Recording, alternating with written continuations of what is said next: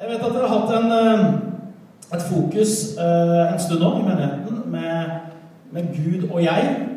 eh, Og, og, og relasjonen. Og, og jeg skal liksom egentlig hoppe litt inn på det. Jeg hadde, visste ikke om det, men jeg hadde forberedt meg. Og, og jeg, kobler litt inn på det sporet, hvis det er greit. Det er sånn at det er, det er to ting som har forandra mitt bønneliv.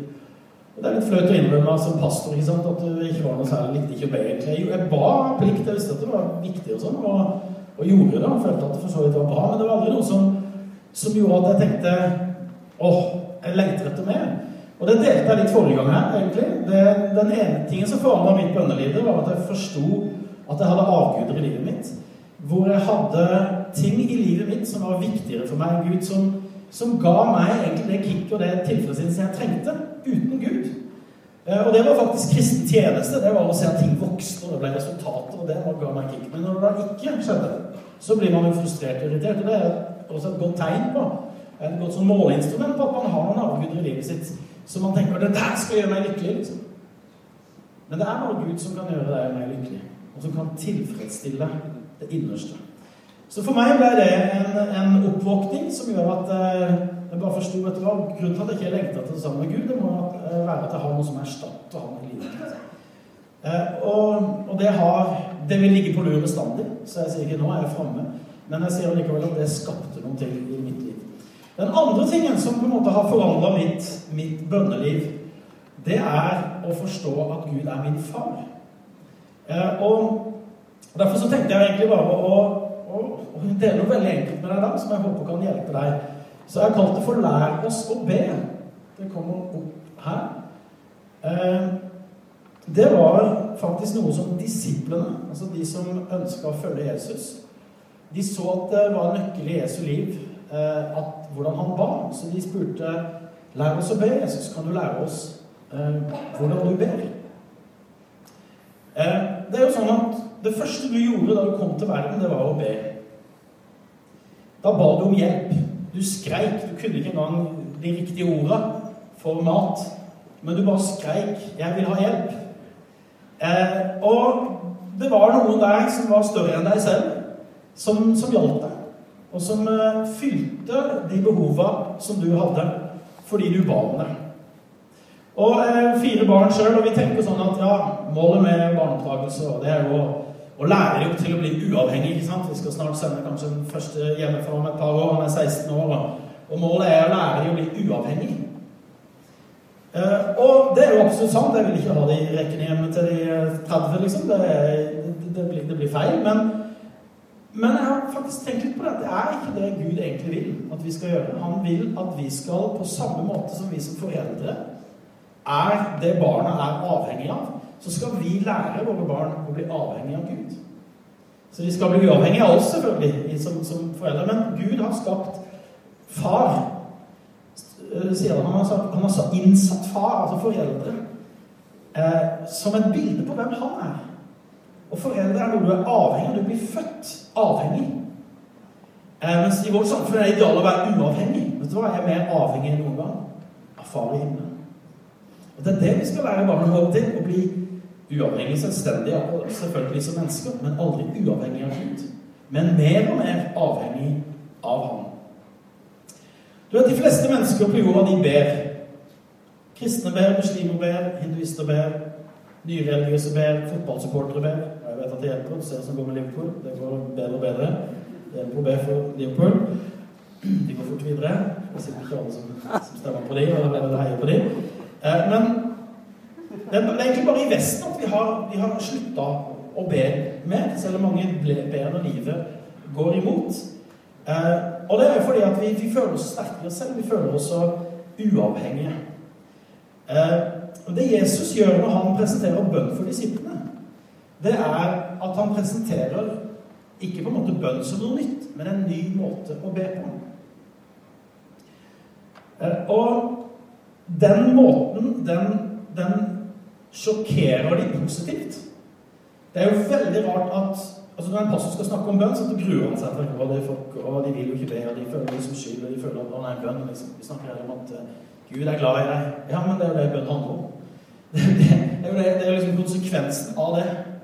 At du skal få være sammen med han som er glad i deg. Du skal ikke bare vite om det er en langt borte som er glad i deg, men du kan faktisk også være sammen med han og kjenne den kjærligheten daglig. Så når Jesus presenterte bønn, det må ha vært som, som oss foreldre på julaften. Og vi gleder oss til å gi det som barna har ønska seg. Kanskje de får mer også enn det de ønsker seg. Så var det ikke sånn at jeg tenkte ok, men ta dette med bønn. liksom. Det må, jeg må, må få det med. Ja, det kommer til å, jeg vet det kommer til å bli. De kommer til å få plikt og skyldfølelse. Nei, det var helt motsatt. Han gleda seg så til å fortelle dem at nå, vet du, nå kommer det noe nytt med meg. Og det er at jeg kan ha en nær relasjon til Gud.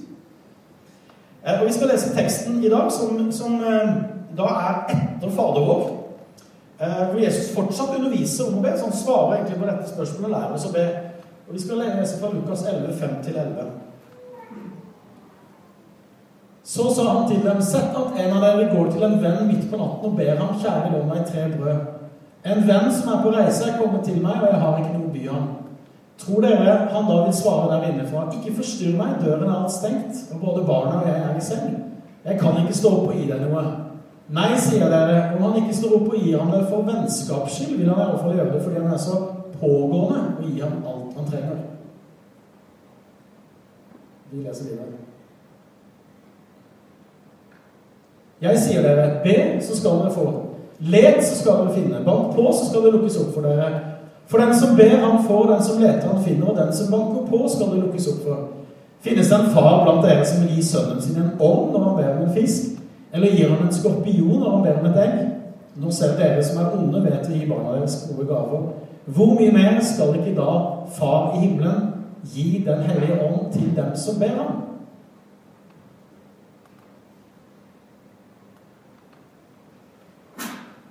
Det er to måter å be på, eller nærme seg Gud på, om du vil.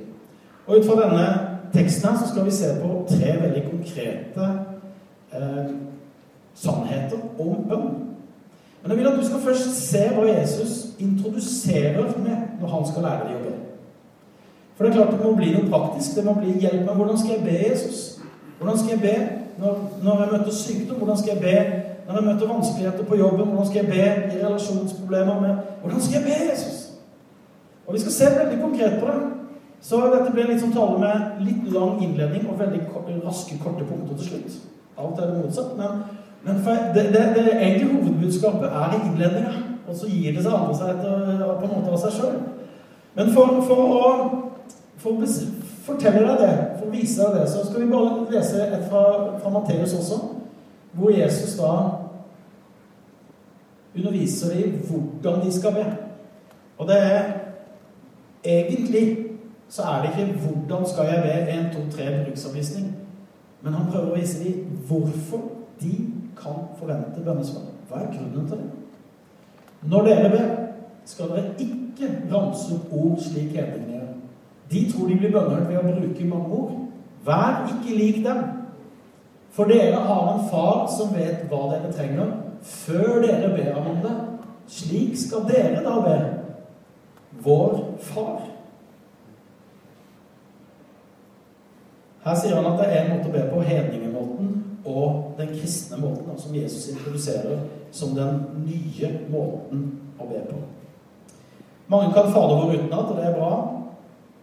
Eh, og Det er jo ikke Jesu poeng at vi skal lære den utenat. Han sier at vi ikke skal ramse opp ord, men det er heller ikke hans poeng. Hva var det hedningene gjorde? Var det det at det var feil at de, de ramsa opp på en måte som en teknikk? Hva er hans poeng? Hva er det han prøver å få fram? Jesu poeng er at den store forskjellen ligger i disse to små ordene 'vår far'. Når du tror du blir Hvorfor skal du bli bønnhørt? Når du tror at du blir bønnhørt Ikke fordi du har vært flink jente eller gutt i det siste. Du har lest mye Bibelen, du har vært på møter, du, liksom, du, føler, du føler du har gjort det ganske bra. Ikke fordi du brukte de rette ordene. Ikke fordi du hadde pumpa opp et stor nok tro. Når du forstår at du får bønnesvar, du kan be og bli bønnhørt bare Altså bare kun fordi Gud er din far. Da har du skjønt det. Og Det forandrer alt. La meg ta et eksempel. Når du går på gata i Tønsberg og La oss, jeg, si at jeg gikk på gata i Tønsberg og ikke visste veien til eh, ja, Nøtterøy. her, her, ikke så mye lokalgeografi. Men hvis ikke jeg visste veien på Åsgårdstrand, vet jeg veien til, for der, der bodde min bror og, og svigerinne. Eh, men hvis jeg tar kontakt på gata og sier du, 'Unnskyld, kan du, vet du veien til Nøtterøy? Jeg finner ikke fram.' Så vil jo ikke den personen si 'Hei, for en frekk type', liksom kommer her og forstyrrer meg. Ser du ikke at jeg er og går på byen her? kommer. Men, men enhver normal nordmann vil tenke Ja, det, det, der har jeg jo hatt problemer med. Det er klart jeg skal hjelpe deg med veien. altså jeg, er du et sted i verden, så er det helt normalt for folk å spørre om veien. Så det, det vil du på en måte få svar på med en gang. Du får bønnesvar. Du spurte om kan du hjelpe meg å finne veien. Ja, det kan jeg. Men la oss si at du da tenker at ja, men du, mens vi har praten her i gang her du kunne ikke spandert lunsj på meg Og kunne lånt visakortet ditt en halvtime mens vi er i gang. Ja, men altså, Det har jo fire stykker som spør om, holdt jeg på å si. Hele tida hjemme. De spør om det. De holder på sånn. Uten å liksom, uten å skamme seg i det hele tatt. Kan jeg få det? Kan jeg få det? Jeg vil ha sånn. Jeg vil ha det. Hvorfor fikk jeg ikke sånn? De er barn. Hvilket fundament du har med den personen du tar kontakt med, avgjør hva slags byttehandel du kan forvente. Eller hva du kan regne med å få fra den personen. Er du med så langt? Ja. ja. Det er nemlig to typer relasjoner i samfunnet. Det er to typer relasjoner i samfunnet. Hovedtyper i samfunnet. Og det er businessrelasjon og familierelasjon. Du kan bo i et hus som en leietaker, og du kan ha god relasjon til huseierne ved å holde reglene. Og huseieren har forpliktelser overfor deg. Men relasjonen den er mekanisk og består av penger og tjenester. Det er en businessrelasjon. Altså Det er ikke en dårlig relasjon. men det kan absolutt være en fungerende relasjon. Jeg betaler leia. Du sørger for at det er lyspærer og at det er strøm her i dette huset. Fin relasjon. Men hva bygger den på? Jo, den bygger jo på at du gir meg det jeg har krav på, og så får du tilbake det du da kan forvente. Men så kan du bo i et hus, det samme huset kanskje, som barn. Og det er helt annerledes. Det bygger på hvem er jeg for deg? Så det er klart, hvis du, hvis du har Vi kan vente litt med den. Nei, da har vi den. Og der har jeg skjermen. Så flott. Tusen takk. Det oppdager jeg nå. Jeg ser det. Hva er forskjellen på business og familierelasjon?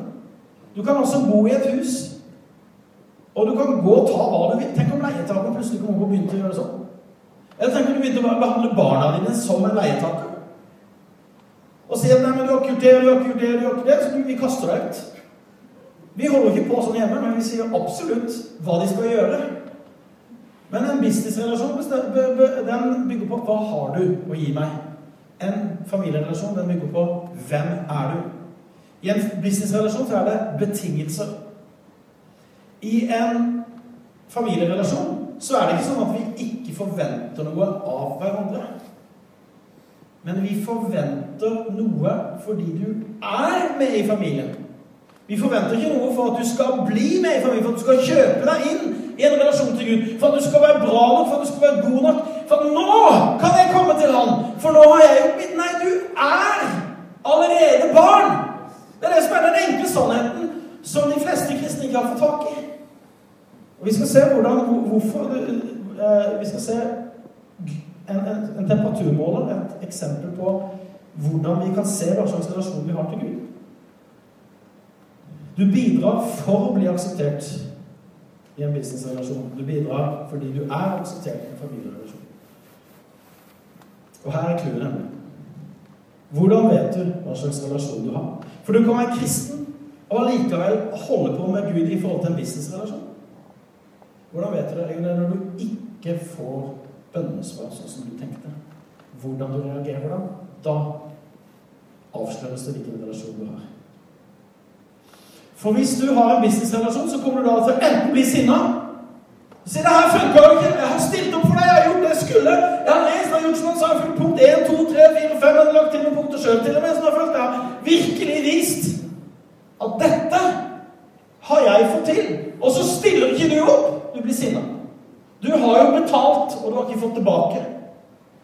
Eller du føler deg skyldig. Og jeg har sikkert ikke gjort noe. Jeg er sikkert det de fleste føler. Jeg er ikke bra nok. Jeg er ikke flink nok.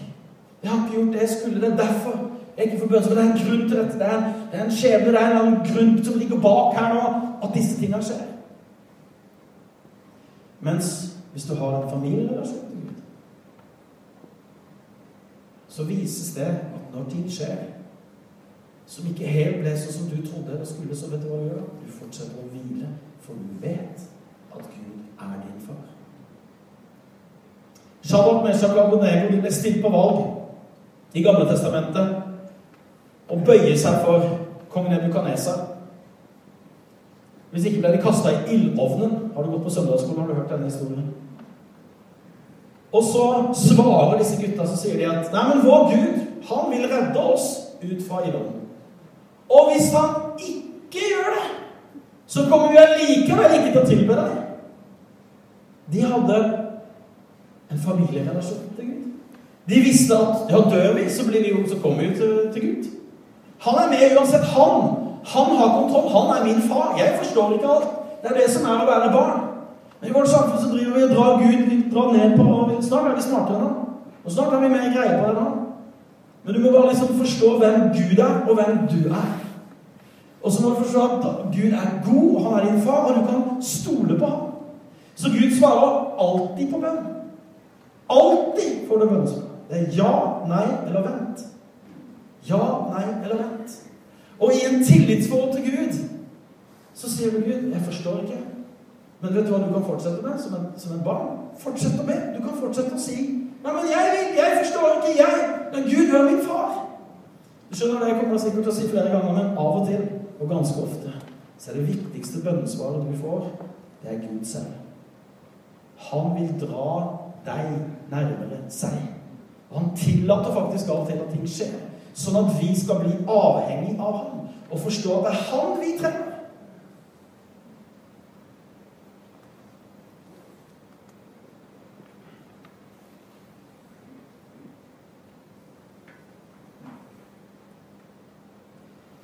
Jesus han begynner ikke Fader vår med kongen vår eller skaperen.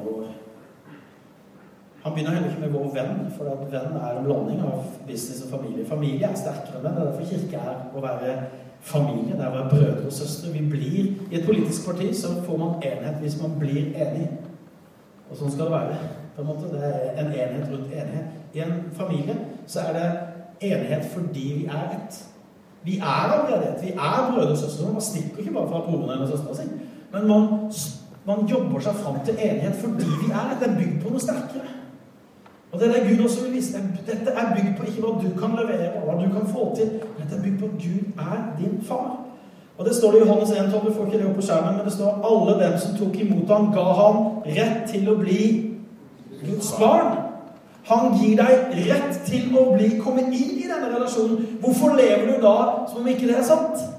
Hvorfor holder du hele på å gjemme deg inn i noe du allerede har? Gud har adoptert deg. Du vet, når I adopsjon så er det ikke det er jo ikke barnet som på en måte forandre seg, men statusen til barnet forandres. Og så forandres jo selvfølgelig også oppførselen etter hvert, fordi at du kommer inn i en ny familie. Men det begynner med en statusforandring. Og det er det Jesus vil vise dere. Ikke be sånn som hedningene. Hva gjør de? Jo, de ramser opp mange ord. Hvorfor det? De vil fortjene. altså Det er ikke oppramsinga. Men de tenker nå gjør jeg meg fortjent til å få bønnesvar, for jeg er jo så flink til å be. Ikke be som de. Ikke be som de. Be som vår far. Pappa. Pappa min. Gud er pappaen min. Gud er glad i deg. Gud er din far.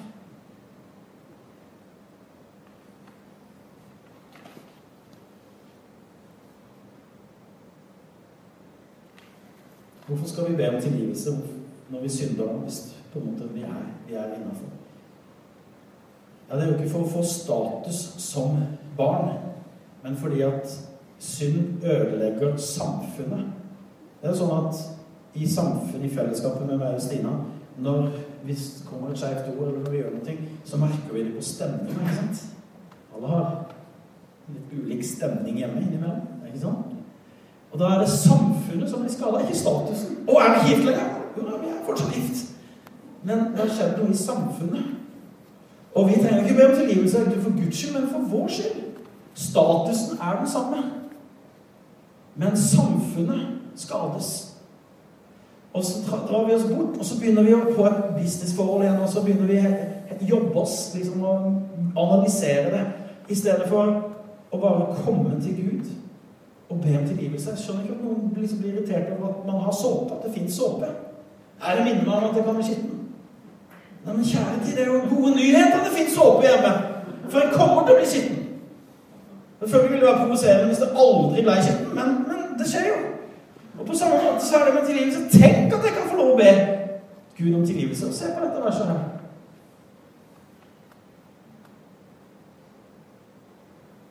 Det neste det, det betydde den.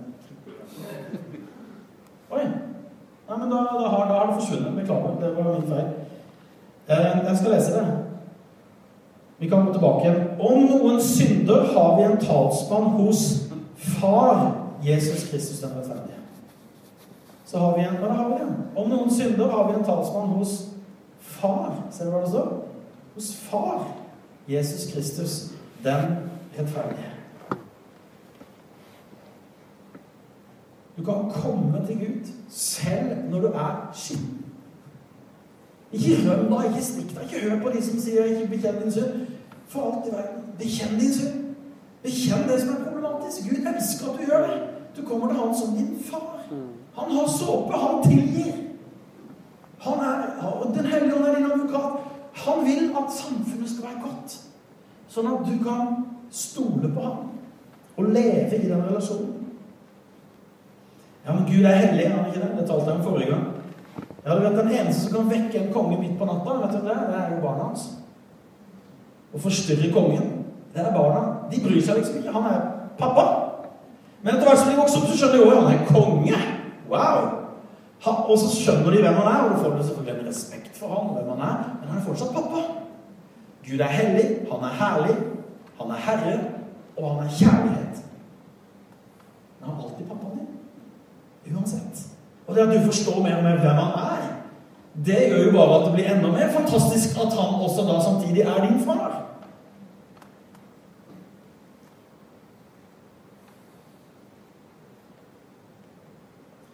har en, jeg har en lenestol som symbol på denne talen. Og det er fordi at jeg sier til Sørlandskirken det viktigste bønnemøtet i Sørlandskirken, det er det som foregår hjemme hos deg hver dag. Hvor er din stol? Hvor du setter deg ned som et symbol. Sett deg ned. Du kan gå og be etter, men sett deg ned som et symbol på kristenlivets utgangsstilling. Vi er satt med Han i himmelen. Vi er på hans fang. Vi er avhengig av Han. Vi sitter. Det er der det begynner. Å være sammen med Han. Vet du hva? På den stolen som jeg har hjemme, i den stolen, sammen med Gud, så er det ikke noe press. Er det nok press og krav i samfunnet? Hele tiden. Hele tiden. Og det er ikke det er på en måte, det er, nå er det, lykke, det er lykke. Vi skal være så lykkelige, og vi skal få det til på alle måter. Alt skal jo funke. ikke sant? Vi skal, ha, vi skal løpe Birken eller den avløs, og noen som ble enten lei seg eller glad for det, jeg vet ikke. I går, men vi skal på en måte gjøre Vi skal få det til. Og det er så mange press og krav. Men i den stolen der, hver morgen, så er det ikke press og krav som møter deg. Det er din far som møter deg. Og så kan du hvile i det. Er det ting du ikke vil forstå? Ja. Men da Da er det åpenbaringen som Jesus prøver å gi oss. Han er din far. Han er pappaen din. Og La oss se veldig konkret på hva det betyr. da. Hvordan ber vi da, hvis Gud er vår far? Hvordan kan vi da komme til ham med disse dagligdagse tingene, disse utfordrende tingene som vi står i? Vi leste en tekst, og i den teksten så er det tre sannheter. Den første er Vær frimodig. Gud er din far. Først er det en lignelse om en mann som får uventa besøk av en venn midt på natta. De hadde ikke 7-Eleven eh, på den tida, så de kunne ikke stikke og kjøpe brød midt på natta. De bakte det brødet de hadde den, til den dagen, og ble det spist opp, så var det tomt og måtte bake nytt neste dag. Så han sjekker, han er tom for brød og sjekker sin venn da, om han har brød. Og det er sånn at når, når, du leser en lignelse i Bibelen, så er det viktig ikke å overtolke den. Den ble fortalt der og da av Jesus med et hovedpoeng. Så det er ikke sånn at du liksom Å, hus, hva kan hus bety, tror jeg? Det er et bilde på menigheten. Og det var natt. Kanskje et bilde på de siste tider. Det var tre brød. Det må være treenigheten, kanskje. Kanskje det er et tegn på at du er løs med brød. vet. Det, det er ikke sånn vi skal liksom gjennomtolke hver lignelse. Skal, hva, er hva er poenget hans? Og poenget hans er at hvis det er sånn at Gud er din far, hvordan kan du da opptre i bønn? Jo, du kan være sånn som denne vennen som kommer til ham på natten, og så sier du kan jeg få noe brød? Og om han ikke står opp for å gi deg det, for det var heldig gjestfrihet på den tida Vi ville jo bli provosert over at noen kom og forstyrra oss. Mens på den tida ville de tenkt han ga han ikke brød. Og, han ville liksom bli sett ned på. Fordi det var en gjestfrihets eh, på en måte, kultur hvor du, du gjorde det. Du, du, gjorde det når gjester kom. Men om han ikke engang hadde gitt han det eh, på en måte fordi han ville det, eh, for vennskaps skyld, så ville han gjøre det fordi han er så pågående. Dette er altså en oppfordring fra Jesus, Guds sønn, til deg om å være pågående i bønn. Og ordet som brukes på gresk, er 'skamløs'. Og Det er akkurat det vi kan være innenfor Gud når Jesus sa tilgitt at vi uten skam. Så du kan være skamløst frimodig. Så det er altså enda min måte å be på. Fordi at eh, man har og meg noe altså, liksom, be prektig eller så riktig eller Nei, nei, nei, glem det. Be hva du vil. Be, be om hva du vil og være ekstra frimodig. Og si 'Vet du hva, Gud, jeg vil at denne personen skal bli frisk.' 'Jeg vil at denne situasjonen skal endre seg.' Du ser hva jeg vil. Men husk da at du er jo ikke Gud. Så er det jo ikke 100% sikkert at du får det nøyaktig sånn som du vil. Men det er din rolle i bønn. Det å være som med barn som er skamløst pågående frimodig innenfor Gud. Og tømmer deg ut og sier 'sånn er det', og 'sånn vil jeg ha det', og 'sånn ser du at det har det', og nå må du, nå må du gjøre noe! Liksom. Bare se på David salmer. Hvor, hvor, hvor rett ut han var. Du kan være med sånn innenfor Gud. Pågående. Frimodig. Han er din far. Slapp av. Vi kaster ikke ut barna våre når de kommer og ber om noe. Vi ser på helheten, vi vurderer hva er det beste. Vi ser på ressursene. Det trenger ikke Gud gjøre. Han har jo ressurser. Punkt nummer to Vær tålmodig. Gud har kontroll. Det er veldig kjente vers. ikke sant? Be, så skal du få. Lett, så skal du finne. Bank på, så skal det lukkes opp for dere. Det står også i Matteus 7,7. Det er lett å huske. Poenget i de versene der og Vi kunne gått inn i hva er be, hva er banke på, hva er lukke opp. Men Det er mulig det fins noen dypere, veldig, veldig dypere sannheter der. Men det som du ser, er egentlig i gjentakelsen til Jesus, så får du også poenget med det han sier. For han, han sier be, så skal du få. Lett, så skal du finne. Bank på, skal opp for dere. For den som ber, han får. Og den som banker på, de lukker opp for. Den som leter, han finner. Det er altså fortsettelsen, utholdenheten. Vær tålmodig. Gud har kontroll. Og det er nemlig sånn at i bønn så vil ha kvikk, vil ha det i orden, vil ha alt med en gang. I bønn forandres ikke Gud, men du og jeg forandres. Og vi forandres også i forhold kanskje til våre motiver, og hva vi egentlig trenger. Og så som jeg sa i stad Det viktigste av alt i bønn, det er at du får Gud.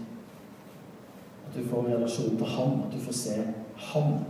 At du igjen forstår Ja, men jeg har jo deg. Jeg har jo bønnesvaret. Jeg er blitt sønn og datter av Gud i himmelen, som er min far det er nok i seg selv. Men en sånn en god far vil også gi deg det han ser at du trenger. Men vær tålmodig. Gud har kontroll. Ja, men du vet ikke hva som skjedde. Du skulle, du, det, dette og dette skjedde. Nei, det er helt riktig. Jeg vet ikke. Jeg forstår ikke. Men Gud forstår. Og det viser også hvilken relasjon vi har om vi virkelig stoler på det. At Gud har kontroll. At han er vår far. Så vær tålmodig. Fortsett å si det samme. Fortsett å komme med det samme. Fortsett å uttrykke det. I det finner du trøst, du finner styrke, du finner kraft til å fortsette. Og så en dag så har ting endra seg, så ser du plutselig ja, Gud hadde kontroll. Gud, var med. Men kanskje mest av alt er det for at Gud også skal vise oss at det er jo Han som gir oss alt vi trenger. Vi tror vi har fått det til så mye sjøl. Men pusten din har jo gitt av Gud. Hendene dine er gitt av Gud. Alt er gitt av Gud. Sånn at du på nytt og på nytt kan leve i denne avhengigheten som jeg begynte med. Og se at du er for alltid avhengig av Gud, vår Far. Punkt nummer tre og siste punkt. Ha forventning. Gud er god. Ha forventning. Gud er god. Der, der, der bruker Jesus noen merkelige ting. Han sier snakker om skorpioner og egg og slanger. og Vi ville sikkert ikke brukt helt det samme. Vi ville kanskje sagt noe sånt som Uh, er det en pappa eller mamma her inne som vil gi sin barn Plumbo når de vil ha sukker på risgrøt? Tenk liksom her vil ha sukker. de prøver med plumbo, plumbo så det funker, liksom. Eller du vil gi dem klorin når de vil ha et glass vann. Eller noen vil kanskje Pepsi Box, for det er mot det. Men eh, vi tar ikke den diskusjonen. Men det Jesus får fram, det er sitt budskap om at dersom en syndig far gir gode gaver, hvor mye mer da den fullkomne himmelske Gud. Så hvis du føler at du er litt glad i barna dine hvis du har barn, så er det bare en mikrofølelse i forhold til hvilken følelse Gud har for deg. Det er det han prøver å si. Hvor mye mer? Altså Hvis et batteri kan gi lys til en lommelykt Kan det det? Kan et batteri, ja. Hvor mye mer skal ikke da et helt kraftverk kunne gi lys til en sånn lampe? Og i kraftverk så legger jeg da også at det er på en måte fornybar energi. Det er på en måte noe evig. Hvor mye mer hvis, hvis igjen kan dette med vi som foreldre og barn Hvor mye mer? Skal ikke da jeg, som er Gud, Far i himmelen, bry meg om deg? Og derfor kan du be med forventning om at alt som vil skje med deg, er til det beste for deg. Men er det sånn at alt det jeg har gitt barna mine opp igjennom, har de tenkt at var det beste for dem der og da? Noen ganger ja, noen ganger ikke. Men her kommer igjen dette med å stole på det er han som er Gud. Han er god. Han er min far. Derfor kan du be mer for den. Du kan ikke du tenker sånn Å, skal jeg be til Gud? Hva får jeg nå, tro? Hva blir det denne gangen? Men du tenker sånn Det jeg får, er godt uansett. Er det godt å komme til tannlegen? Vanskelig spørsmål. Kan det gjøre vondt å gå til tannlegen? Ja. Hvorfor kan det gjøre vondt? Jo, fordi at det skal fjernes noe som er ondt, og det er godt. Det er godt at noe vondt blir fjerna.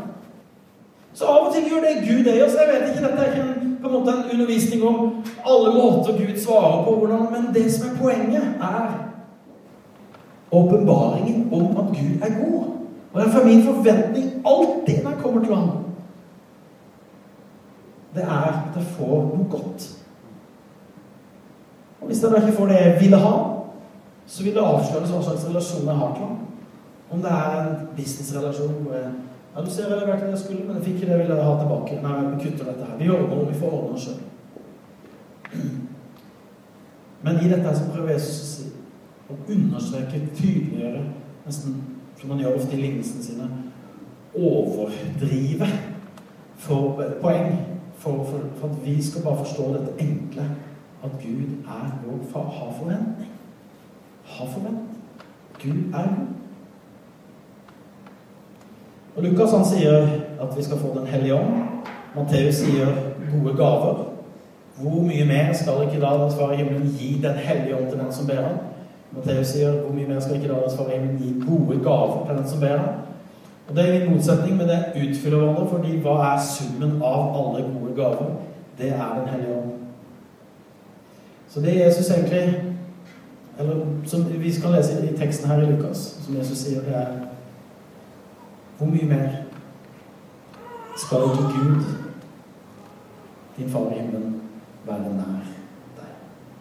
For Den hellige ånd, han er nær oss. Han representerer Guds nærhet, kjærlighet. I den stolen hver morgen så kan du oppleve og gjennom hele, dagen, men jeg bruker det som et symbol på at du gjør det praktisk med dette her. Så vet du hva, jeg skal det er én ting jeg ikke skal gå glipp av i dag. Og jeg sier det til meg selv, jeg vet det. Jeg gleder meg allerede til morgen. Da skal jeg sitte i den stolen. Og da skal jeg vite at Kai, vet du hva? Du må ha din lykke i Gud alene. Der er du lykkelig. Så skal jeg vite en ting. Jeg skal få møte Jeg skal fortelle om det problemet, om den utfordringen, om det som jeg ikke skjønner noe av. Og så skal jeg fortelle om alt sammen. Og så, jeg, så vet jeg det. Og det jeg får, det er hans nærhet. Og det er hans selv og relasjoner. Det er en trygghet og hvile i at alt virker til det gode for den som elsker ham. For Gud er en god Gud. Vær frimodig. Gud er din far. Vær tålmodig. Gud har kontroll. Ha forventning. Gud er god. Skal låserne komme opp, så skal vi avslutte.